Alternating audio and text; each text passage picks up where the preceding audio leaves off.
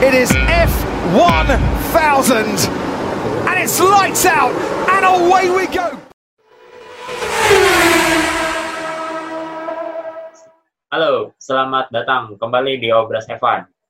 Obrolan santai seputar Formula One. Balik lagi di uh, bersama host kesayangan kalian yaitu Kaca, Kaca dan ditemani oleh rekan saya Angga. Angga oh. berperan sebagai Christian Honor. Oh ya, saya berperan ya. sebagai bapaknya bapaknya Sehan, Ricardo Gelael. Siapa? Ricardo Gelael. Ricardo Gelael, KFC. Yoi. KFC dong. Hmm, yang KFC. Ya. Nah, oke. Okay. Uh, men, uh, ini mumpung masih anget. Lu nonton nggak balapan GP Italia kemarin? Uh, Alhamdulillah nonton. Cuman di lap sampai lap berapa gitu yang Leclerc keluar sama Vettel keluar. Gue matiin TV langsung. berarti lo berarti lo nonton setelah red flag ya? ya red flag, red flag langsung gue matiin, ya kan? Ngomong matiin, langsung update status di WA. Tolong ya, kalau misalkan Mercedes atau Hamilton meledak mesinnya, bannya pecah, tolong kasih tahu. tapi tapi tapi lu setuju, lu setuju, lu setuju juga kalau misalnya gue bilang uh, eh, GP Italia kemarin tuh salah satu balapan paling seru di musim ini? Uh, terus terang iya, karena pemenangnya nggak terduga. Podium juga warna-warni loh. Ada Alfa Tauri, Tuh. ada McLaren, ada satu lagi apa tuh? Racing, Point. Racing Point. Jadi benar berwarna. Yang biasanya kita lihat ada Red Bull, Mercedes, Ferrari kali ini ya bisa dibilang agak pemandangan agak langka lah, pemandangan agak langka, ya langka banget dan podium yang diisi itu pembalap-pembalap muda semua. Dan selamat buat Pierre Gasly, dia itu merupakan pembalap Prancis terakhir itu tahun 96, Olivier Panis tahun 96 di Monaco, dan dia merupakan pembalap ke 109 yang bisa menangkan Grand Prix. Dan kemudian ini apa? Uh, bisa dibilang kejadian berulang kembali setelah tahun 2008 Toro Rosso sukses dengan Vettel kali ini Alfa Tauri setelah berubah nama jadi uh, berubah nama sebelum jadi sebelum Toro Rosso, Pierre Gasly berhasil memenangkan Grand Prix Monza. Nggak diduga juga sih. Benar nggak diduga. Itu balapan yang paling keren dan hampir status di IG gue ngomongin Pierre. Sampai gue iya DM ke Pierre langsung. yeah, Congratulations. Itu, men. Keren, keren sih, keren, keren asli. Uh, apa namanya? Dan ini sih, gue, gue jujur, gue jujur nggak nyangka bahwa uh, Alfa Tauri itu bakal menang gue di gue di awal race tuh gue udah bilang sama temen gue uh, gak usah berharap bahwa ada Italian Anthem di podium kali ini. Yeah. which is make sense dong make sense dong. Tapi ternyata setengah jam ya nggak setengah jam lah 15 menit sebelum finish gue tarik lagi kita kata gue ternyata beneran akan ada Italian Anthem. Itu yang itu yang benar-benar berkesan. Yang namanya Italian Anthem di Monza itu pasti akan benar-benar spesial. Oh meskipun bukan datang dari tim ya kuda jingkrak sih ya. Iya, walaupun bukan dari tim ya, kuda jingkrak. Nah, itu mimpi buruk banget sih setelah pas Vettel uh, loss breaking, loss breaking. di tikung kita chicken pertama. Mm-hmm. Itu langsung masuk pit, retire, apalagi tambah Leclerc, gua udah aduh, udah bete dah apalagi Hamilton udah jauh banget dari Sainz kan. Udah deh, matiin TV aja deh. Hmm, parah Dan sih. itu nggak lama gue ngeliat IG karena gue ngikutin gue follow IG-nya F1 kan uh, penalti stop gue penalti follow Lewis Hamilton ya langsung gue nyalin TV lagi. Atau udah start lagi. Makanya kayak apa namanya eh, itu kayak apa ya lu nggak nggak bener-bener nggak ini bener-bener nggak bener-bener nggak nyangka lah bahwa dari serangkaian kejadian itu iya kita harus terima kasih. Kita harus terima kasih sama Leclerc sama Kevin Magnussen. Dua itu ya, yang betul. boleh dibilang uh, menjadi kunci dari kunci GP Monza yang uh, dari GP Monza yang sangat seru dan sangat tidak terduga ini. Gara-gara Charles Leclerc apa namanya uh, tabrakan, safety car, lalu safety car terus setelah itu uh, apa eh sorry kebalik. Magnussen duluan ya. Sorry sorry kebalik kebalik, Tapi Magnussen dulu berhenti di pit stop. Iya yeah, Magnussen dulu berhenti di mulut di pit entry. Terus akhirnya safety car keluar Hamilton masuk. Hamilton masuk pit saat pit entry-nya ditutup. Nah, yeah. setelah itu ada investigation, akhirnya safety, uh, apa balik lagi safety car in this lap. Setelah itu Leclerc uh, apa nama crash. Itu yang bikin boleh dibilang uh, grid-nya itu langsung teracak lah kayak kayak papan catur di obrak abrik Betul. Nah, Tapi- awalnya sih gue pikir McLaren bakal naik podium dua-duanya, ternyata enggak loh.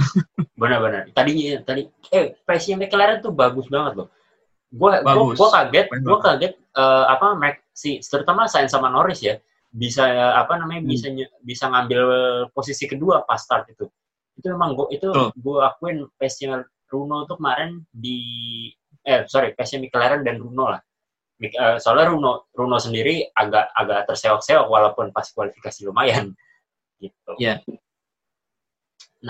Tapi Uh, lumayan lah yang Danny Rick bisa ngejar botas pas di Askari ya. Kalau nggak salah Iya, di iya. Askari dia udah nyusul ke Askari. Nah, itu juga jadi pertanyaan tuh.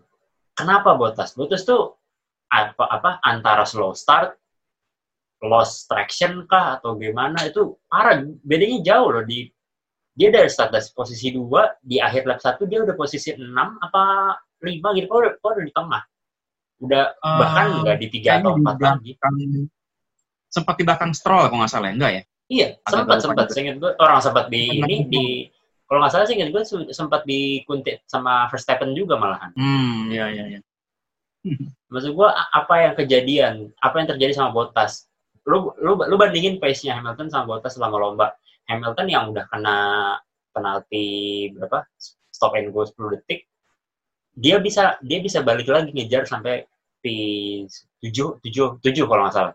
Sementara Bottas Iya. cuma Bottas ya udah kayak sitting duck aja di tengah-tengah dia nggak bisa nggak bisa naik nggak bisa turun Hmm. itu tuh kayak apa ya ya balik lagi sih gue gak gue gue eh, apa namanya memuji Hamilton bahwa dia tetap punya skill ya kita kita sepakat bahwa Mercedes tahun ini adalah mobil terbaik Betul. tapi di ta- tapi di dua tangan pembalap yang berbeda hasilnya bisa kontras banget kelihatan di GP yang ini gitu. Eh, kalau untuk mobil, kalau untuk dalam satu tim bisa sama ya. Hmm, Tapi dalam memanage ban itu yang berbeda. betul Karena kan eh, dari segi banyak pembalap itu kan kita asumsikan satu pintar start, satu enggak. Hmm. Satu pandai pandai mau manage ban, satu enggak. Kadang-kadang ada yang agresif, kadang-kadang ada yang enggak. Karena kan tergantung dilihat dari mobil ini cocok untuk siapa. Biasanya seperti itu. Eh seperti kejadian waktu di BMW Williams tahun 2004-2005 lah. Itu mobilnya Ralph dengan Montoya itu sama. Mobilnya mobilnya sama. Tapi gaya membalapnya beda. Montoya lebih agresif, Ralph lebih justru lebih kalem. kalem Nah, sama seperti Hamilton ini lah. Eh, ibaratnya namanya juga Bottas itu kan dari Finlandia mungkin cool kali masih ada agak cool, jadi agak calm, jadi nyantai aja lah, slow baik gitu kan. Tapi kalau Hamilton dia agak agresif. Kadang-kadang lebih memaksakan ban. Biasanya kalau Hamilton seperti itu.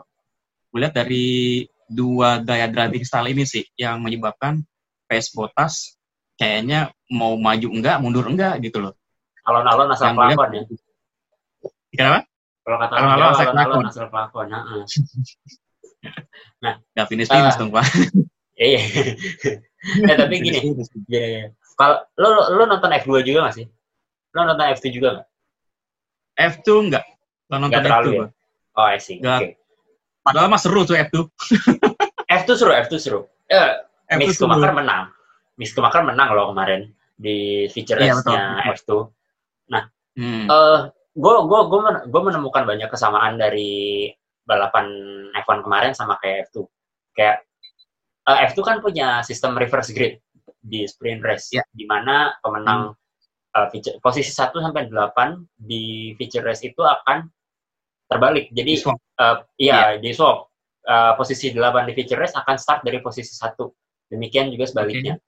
Itu kayak bikin apa ya? Bikin tim-tim tengah, tim-tim papan tengah itu bisa bisa merangsek ke depan lalu bikin bikin apa ya bikin pertarungannya tuh jadi lebih eh lebih ap- lebih spicy lah gue bilang lebih lebih seru Iya.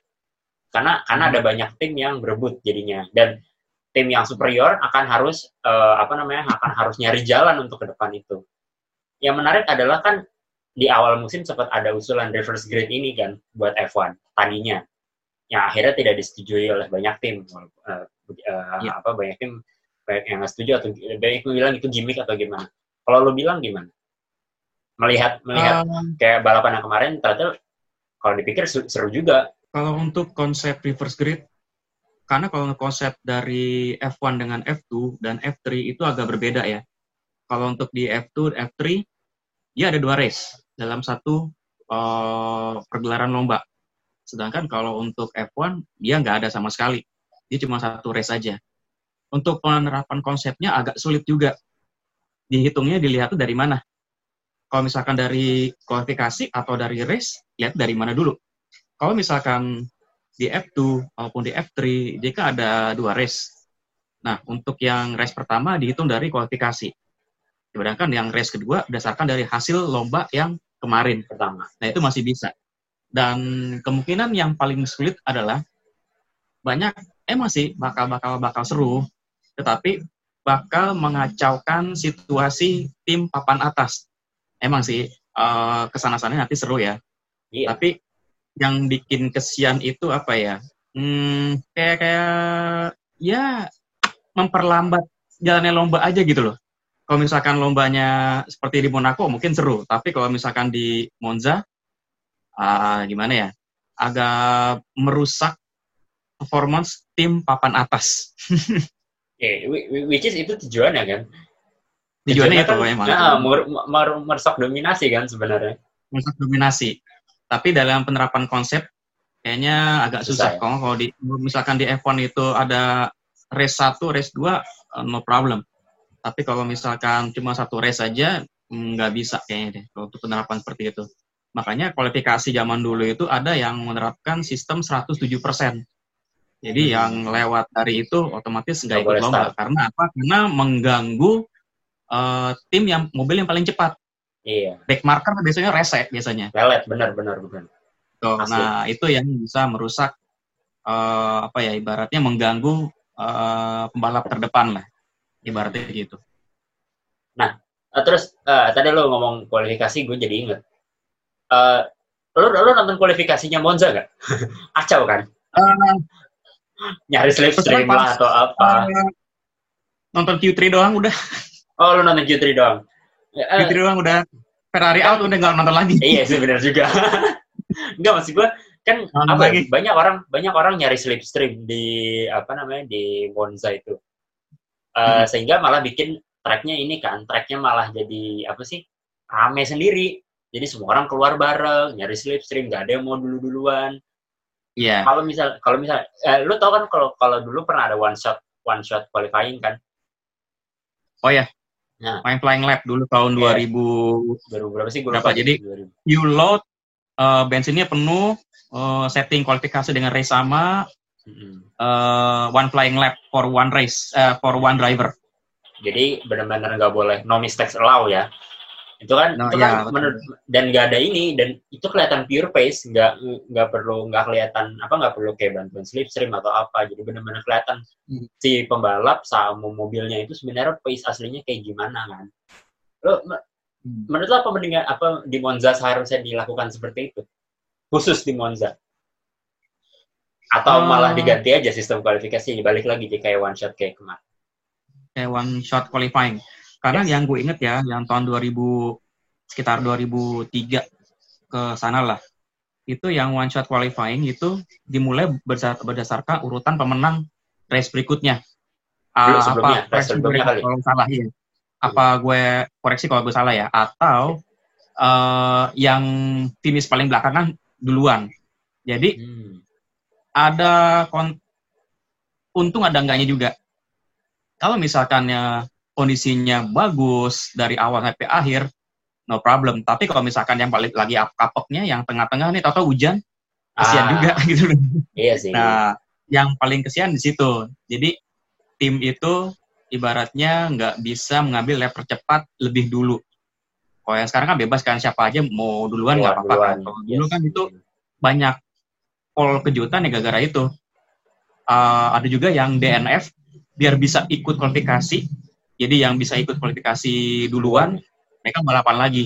Ada kayak gitu. Waktu itu kalau nggak salah kejadiannya Michael Schumacher kalau nggak salah itu demi untuk kualifikasi lebih awal dia out lagi dengan mobil uh, P, apa cadangannya balapan lagi. Yang gue inget itu. Masalah see. jarang pick up itu ada. Oke oke oke. Oh berarti dulu pernah ada strategi seperti itu ya? Gue gue jujur gue baru tahu Ada. kalau ada ada strategi seperti itu. One Flying Oke. Lab dan banyak sih banyak kejutan waktu itu seperti Mark Webber dengan Jaguarnya sempat posisi keempat. Eh, gue inget ekspresinya Montoya waktu itu sampai kaget. Gue inget banget langsung begini, hah? gue inget banget. bisa? Nanti kalau misalkan cari di apa ya, gue lupa Grand Prix apa, pokoknya Jaguar waktu itu sama di tangan Mark Webber itu bagus banget. Hmm. Eh, gara-gara One Flying Lab eh, qualifying. I see, I see, I see. Oke, nah bicara soal kejutan, kita eh, kita itu punya dikejutkan da- eh, dari dua hal yang berkaitan dengan tim, berkaitan dengan tim F1 yang berganti kepemilikan dan berganti nama. Mhm. Kayak ya seperti yang lu tahu Williams eh, baru-baru ini kan dibeli oleh Dorilton apa kepemilikannya dibeli oleh Dorilton Capital kan. Eh, sebuah apa sih sebuah biro investasi kurang lebih di dari Inggris. Mhm. Dan kemarin surprisingly keluarga Williams yaitu Sir Frank dan Claire itu menyatakan bahwa mereka mau resign. Mereka mengundurkan diri dari jajaran bisnis dari jajaran bisnisnya Williams melepaskan eh, boleh juga melepaskan tanggung jawab dari apa? Ya undur diri lah undur diri dari dari apa namanya dari balap F1 Bukan. Eh, itu itu ya it's a big close sih menurut gua benar-benar kayak Williams kan boleh dibilang kayak anak sendiri ya Sir Frank Mhm. sama itu anak sendirinya si Sir, Sir Frank Williams tuh kan merawat ngasuh Williams tuh kayak anak sendiri dan ya boleh dibilang Williams walaupun sekarang performanya nggak terlalu ngembang-gembirakan tapi ya mereka tetap tim besar yang punya sejarah sejarah tinggi gitu. Eh, mereka ini kan top eh, top 3 ya, top 3 juara dunia. Bener nggak? Top 3, iya. Oh, pertama Ferrari, dia juara dunia tahun McLaren, 80 Williams. Williams. Dan oke. merupakan eh, tim yang kondisinya eh, paling lama sih di antara tim-tim yang lain ya. Iya, maksudnya yang- yang nggak pernah itu ya, nggak pernah apa, yang nggak pernah berganti kepemilikan. Ber- Berarti Fer- benar. Fer- Ferrari, McLaren, Williams, terus Williams. Haas itu mereka masih di tangan pemilik original kan, belum pernah berganti, original. Tapi belum kalau pernah berganti. kalau Haas kan belum lama kan. Kalau Iya, Frank. Williams kan dia udah 40 tahun dia. 43, saya ingat gue 43 tahun ini tuh dia. Tiga ya? Iya, Hmm, makanya oke. seumur ini, seumur seumur siapa? Seumur siapa 40 tahun? Ya, Iya, makanya 40 tahun. ya. 40 tahun siapa ya? ya pokoknya, pokoknya berarti kan udah dewasa, udah dewasa banget. Makanya sayang, Hmm. Iya boleh dibilang sayang, sayang banget sebenarnya. Tapi ya mungkin demi Hmm. demi kebaikan tim Williams juga yang gue yakin mungkin dengan beberapa suntikan dana segar bisa bisa kembali ke kejayaan masa kejayaannya dulu lah. Berarti kalau misalkan berganti kepemilikan, Williams bakal ganti nama atau tetap dengan nama Williams? Sama halnya seperti McLaren.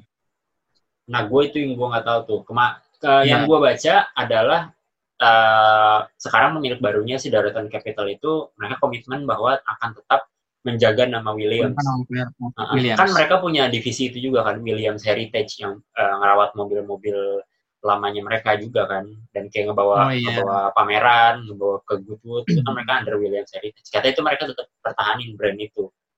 Cuma gue nggak tahu Hmm. namanya namanya kalau ada tiba-tiba ada sponsor gede kan, who knows tiba-tiba ada pabrikan gede masuk manfaatin apa pemanfaatin tim baru ini bisa aja. Tapi sayang banget kalau sampai brand Williams-nya juga hilang kan sayang sebenarnya. sayang sama kayak McLaren tuh dia bertahan tuh dari Bruce McLaren sampai Bruce McLaren Yes. nggak ada Ya Sekarang berarti masih masih- dipegang McLaren Group.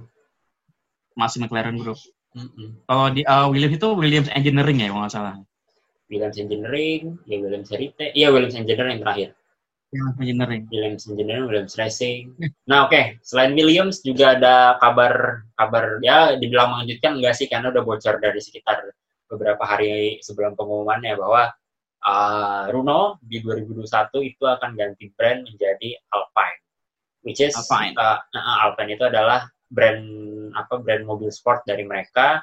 Pernah pernah apa jaya di tahun 70 80 pernah jaya di dek- apa di ini juga World Rally Championship.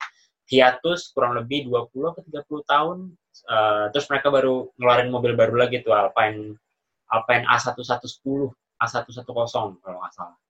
Dan brand Alpine itu juga sebenarnya sudah dipakai di LMP di lo apa uh, World Endurance Championship di LMP2 Signa, uh, dengan tim Signatec Alpine.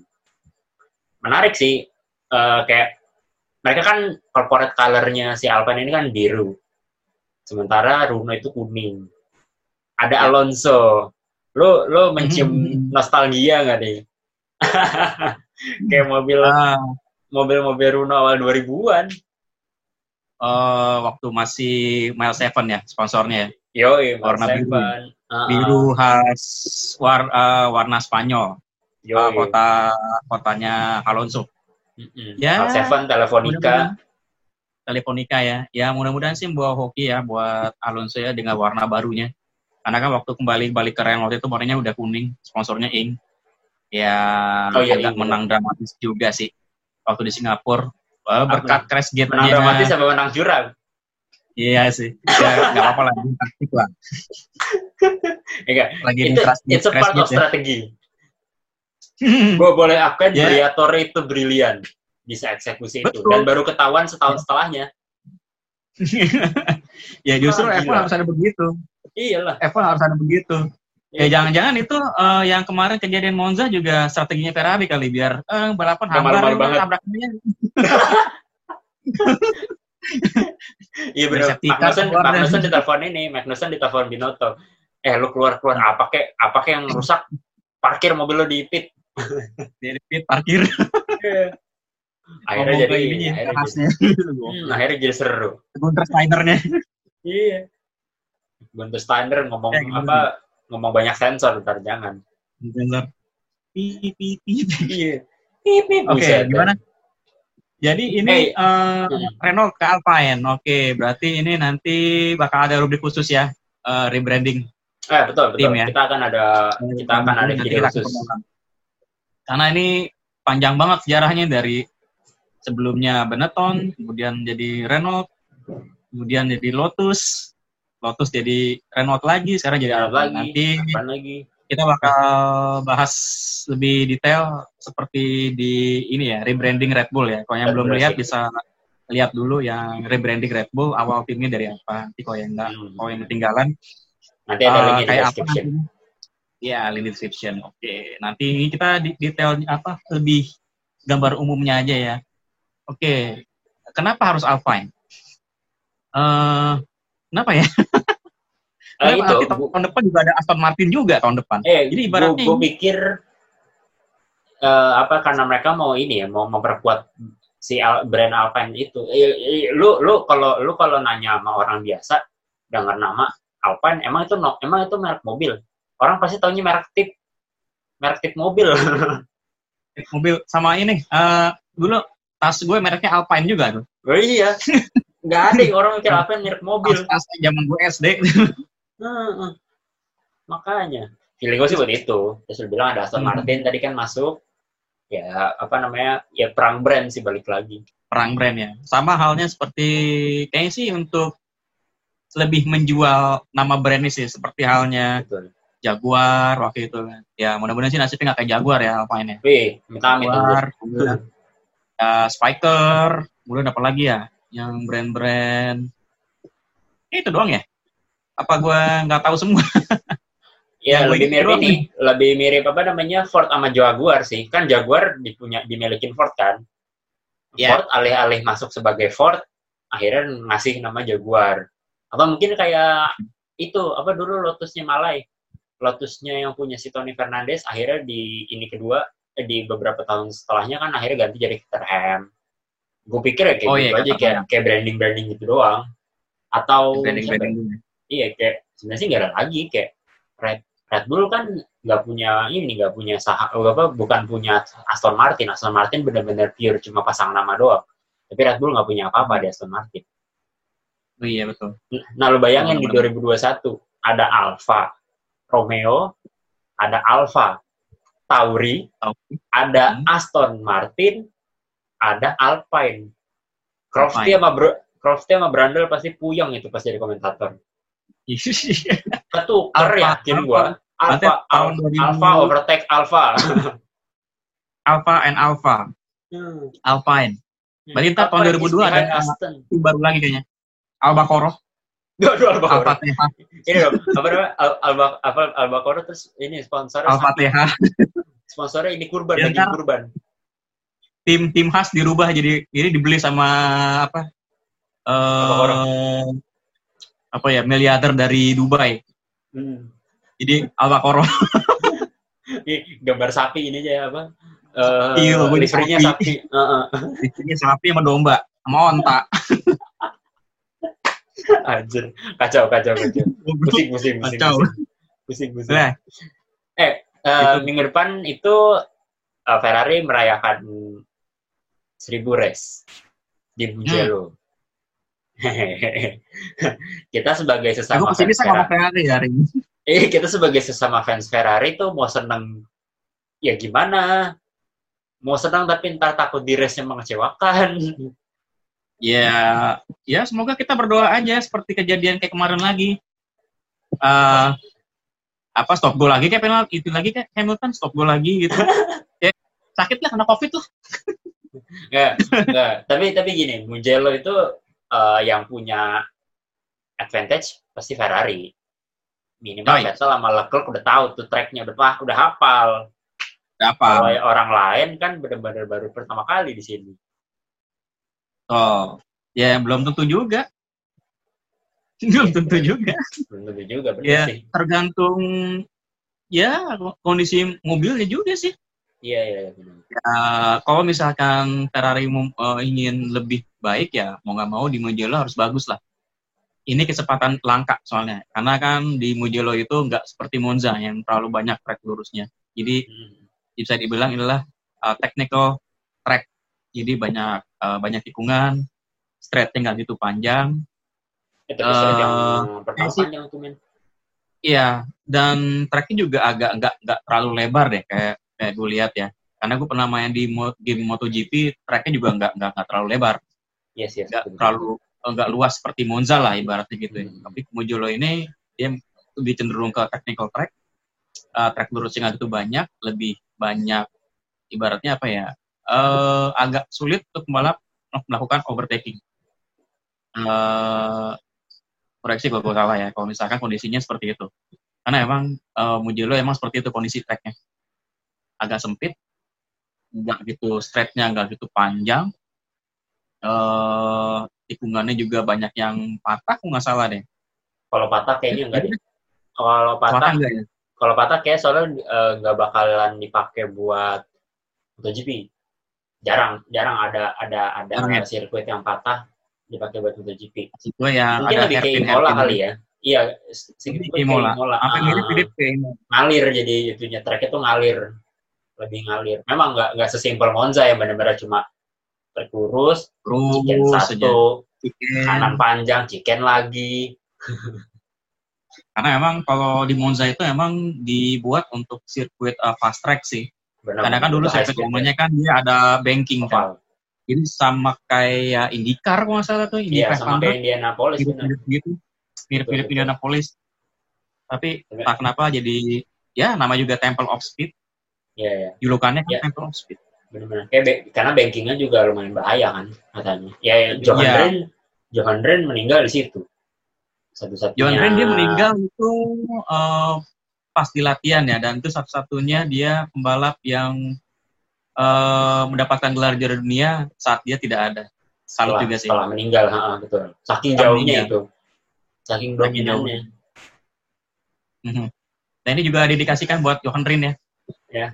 ya the, the only the one and only posthum, posthumous world champion Championship without a crown king. yes, Iya. yes. Ya. Oke.